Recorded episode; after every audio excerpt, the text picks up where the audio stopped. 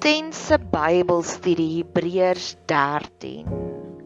So ons trek by Hebreërs 13 vers 12 en hierdie stukkie het my heeltemal geruk.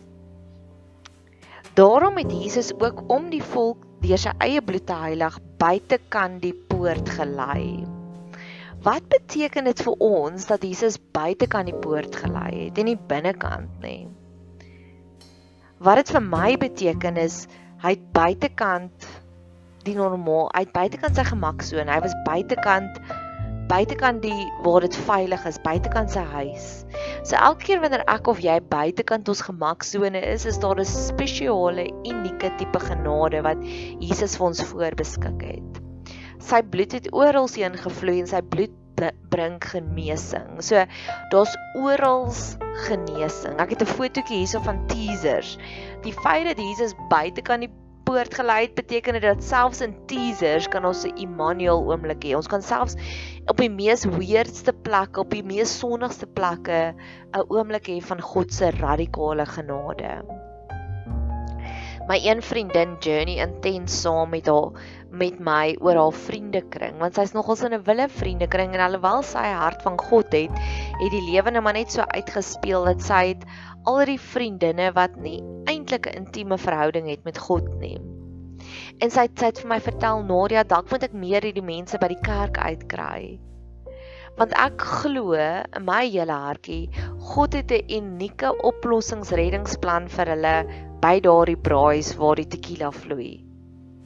Ek glo hierdie stukkie sê vir ons laat God wil homself openbaar selfs by die plekke waar ons dit die minste verwag.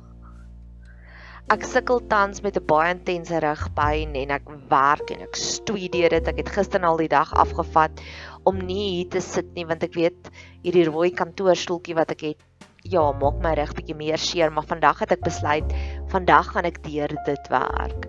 En daar's genesing in Jesus se bloed. So ek spreek sommer daardie genesing uit oor my lewe, oor elke liewe selletjie in my liggaam. Insluitende hierdie rugpyn en ek spreek ook hierdie genesing uit oor jou ook. En ek het gister het ek met iemand 'n lekker koffie afspraak, 'n besonderse lekker koffie afspraak gehad en sy het ook vir my vertel van haar daddy issues wat sy tans het. En ek weet die feit dat Jesus buite kan die poorte gelei het, sê vir my dat selfs vir daardie daddy issues het God ook 'n radikale, unieke oplossingsplan. So ek wil dit ook voor die Here se voete gaan neerlê. Laat ons dan uitgaan vers 13 na hom toe buite kan die laar en sy smaad dra. Want ons het hier geen blywende stad nie, maar ons soek die toekomstige. Vroeger in hierdie hoofstuk het ons het, het die skrywer gepraat van Abraham wat 'n stad van God verwag het, 'n stad waarvan mense nie die fondamente gebou het nie. En hier kom die Hebreërs skrywer weer terug na Abraham wat hierdie blywende stad gesoek het. Ek glo dis 'n dubbele uitnodiging vir ons om al ons radikale groot gelowe voor Jesus se voete te gaan neerlê. Al die radikale groot dinge wat jy van verwag wat mense dink jy is crazy om dit te verwag. Ek wil graag 'n professionele skrywer word. Ek wil artikels skryf vir tydskrifte en ek wil dit voor die Here se voete gaan neerlê, net soos wat God vir Abraham geëer het wat gewag het vir daardie radikale stad, vir daardie radikale wonderwerk. So wil ek dit voor die Here se voete gaan neerlê. Ek wat die Here verwag vir totale volkomme genesing wil ek voor die Here se voete gaan neerlê. Ek wat byna 40 is en nog nooit getroud was nie, maar glo dat die Here het 'n man vir my. Ek wil dit voor die Here se voete gaan neerlê. Wat is jou radikale gebede wat jy voor God se voete wil gaan neerlê? Dan weer eens Hebreërs is 'n opvolg. Dis die die hoër graad, die universiteitsgraad van ons geloof. So Levitikus was die kleuterskool. Hebreërs is die hoërskool. En hier is ons nou nog 'n groot goue geheim wat hy vir ons hier leer. Laat ons gedurig deur hom aan God 'n lofoffer bring. Dit is die vrug van die lippe wat sy naam bely. Vergeet die weldadigheid en die mededeelsaamheid nie, want God het 'n welbehae met sulke offers. So op die kleuterskool daar as hulle nader aan God wou gekom het, wat het hulle gedoen? Hulle het 'n bokkie uit hulle plaas uitgebring en dit aan die priester toe gebring en gesê: "Ons gee dit nou vir God." Vandag bring ons nie meer bokkies na God toe nie, maar hoe kom ons nader aan God? Hoe wys ons vir God ons is dankbaar? Hoe hoe sê ons vir God help ons op hierdie stadium? Deur om dankie te sê, 'n lofoffer is dit dankie te sê. En let wel, as jy intens dankie sê, word dit eers 'n bietjie moeiliker want ironies genoeg Woensdag het ek 'n pot gooi gemaak om te sê dankie Here dat ek gesond is. en nou sukkel ek met 'n rugpyn onder andere. En om deur sy naam te bely, deur om vir jou vriendinne stories te vertel van hoe goed is God vir jou om sy naam te bely is 'n manier om sy karakter te verduidelik aan jou vriendinne. En natuurlik om goeie dade vir almal anders rondom jou te gee. My einste vriendin van wie ek vertel het wat met haar vriendekring tans struggle. Sy is 'n baie aktiewe gemeenskapslid en sy deel net vir almal die hele tyd. As ek hoor aan samel sy kospakkies in. As ek weer na voice note luister en vra sy bid vir hierdie een wat sy versorg wat nou in kraam ingegaan het. Ek is nie so aktief 'n welsynswerker nie, maar ek spandeer ure in God se woord. En ek glo ons beide se offers, sy wat kospakkies insamel en sy wat iemand Steve Pika toe ry wat in kraam is, dis alles maniere hoe ons nader aan God gaan. Ek het in die week ek se Montigenisse pasiëntjie gehad, 'n 8-jarige seentjie en hy het verskriklik baie tandsteen gehad. En al wat ek die hele tyd van hom gesê het vir hom en sy mamma is, "Ag shame, dis aaklag." En ek glo in daai oomblik waar ek empatie gegee het vir hierdie klein seentjie, in plaas daarvan om veroordeling te gee, om te sê ek wil jou help, dit was my manier om nader te kom aan God.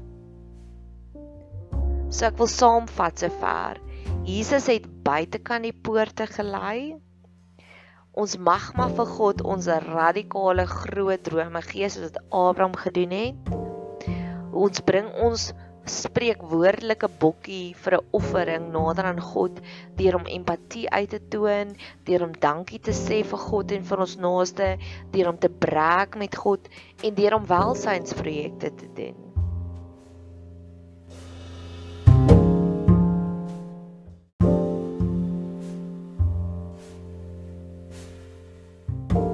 Dan die volgende stukkie is iets wat ek wil uitspreek oor my lewe.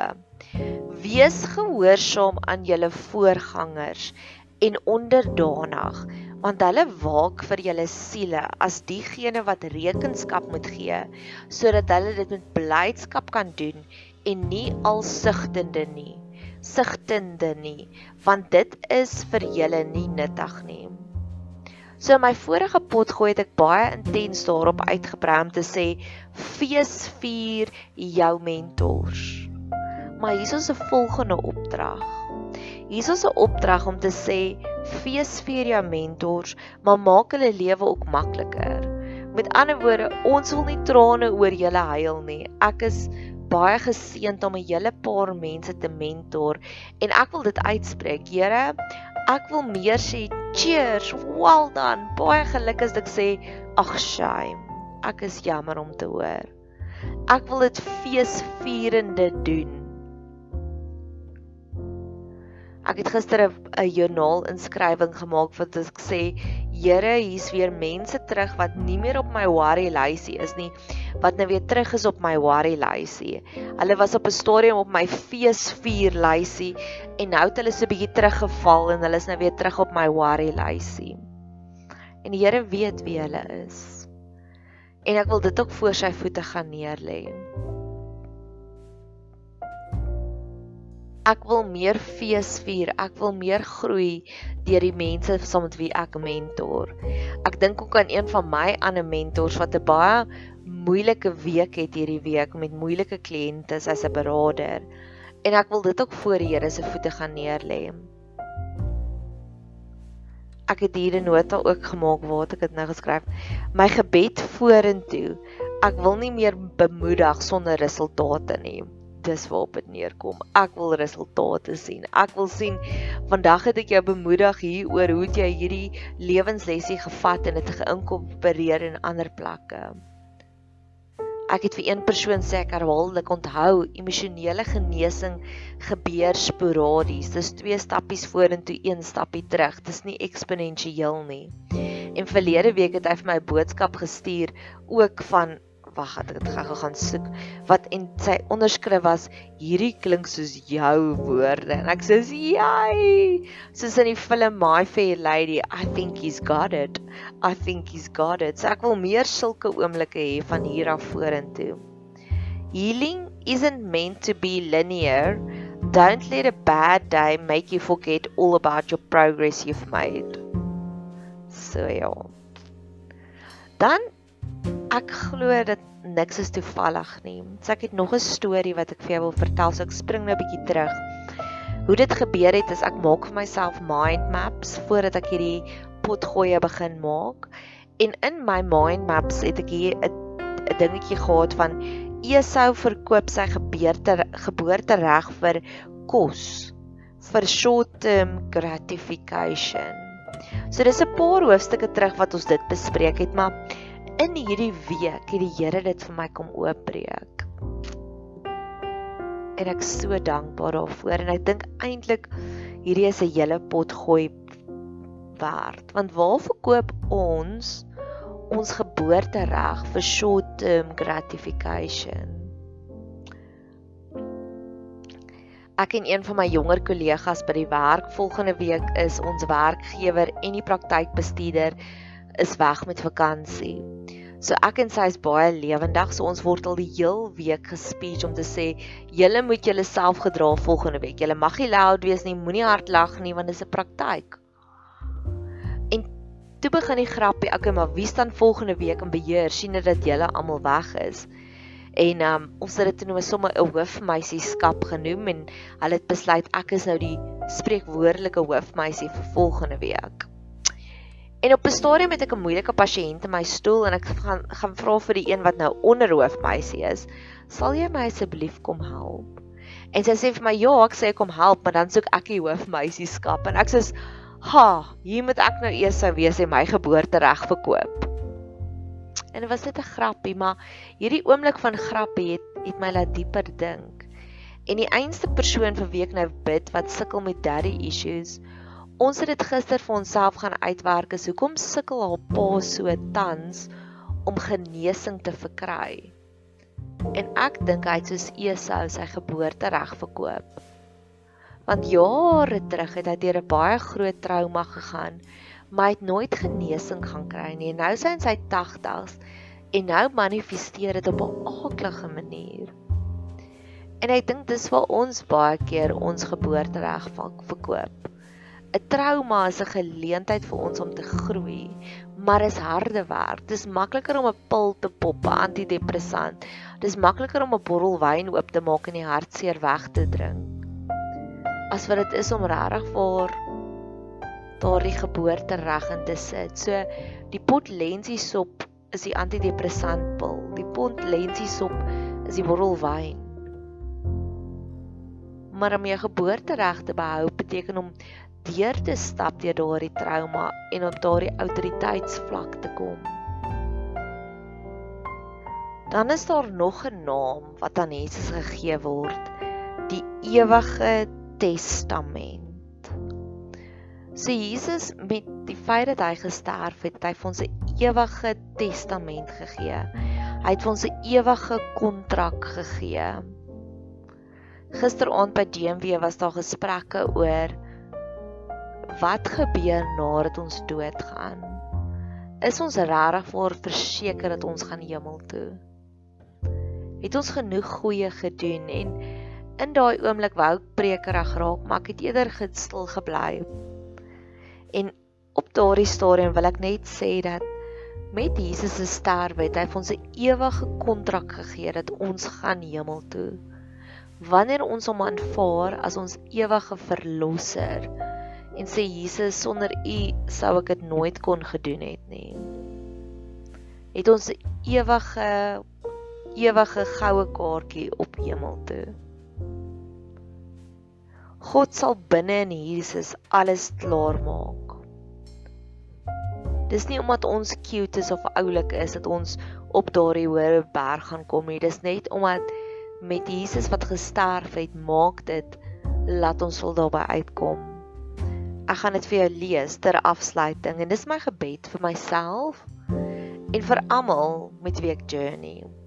Want dit is net omdat Jesus vir my die krag gegee het dat ek kan klaar maak met Hebreërs.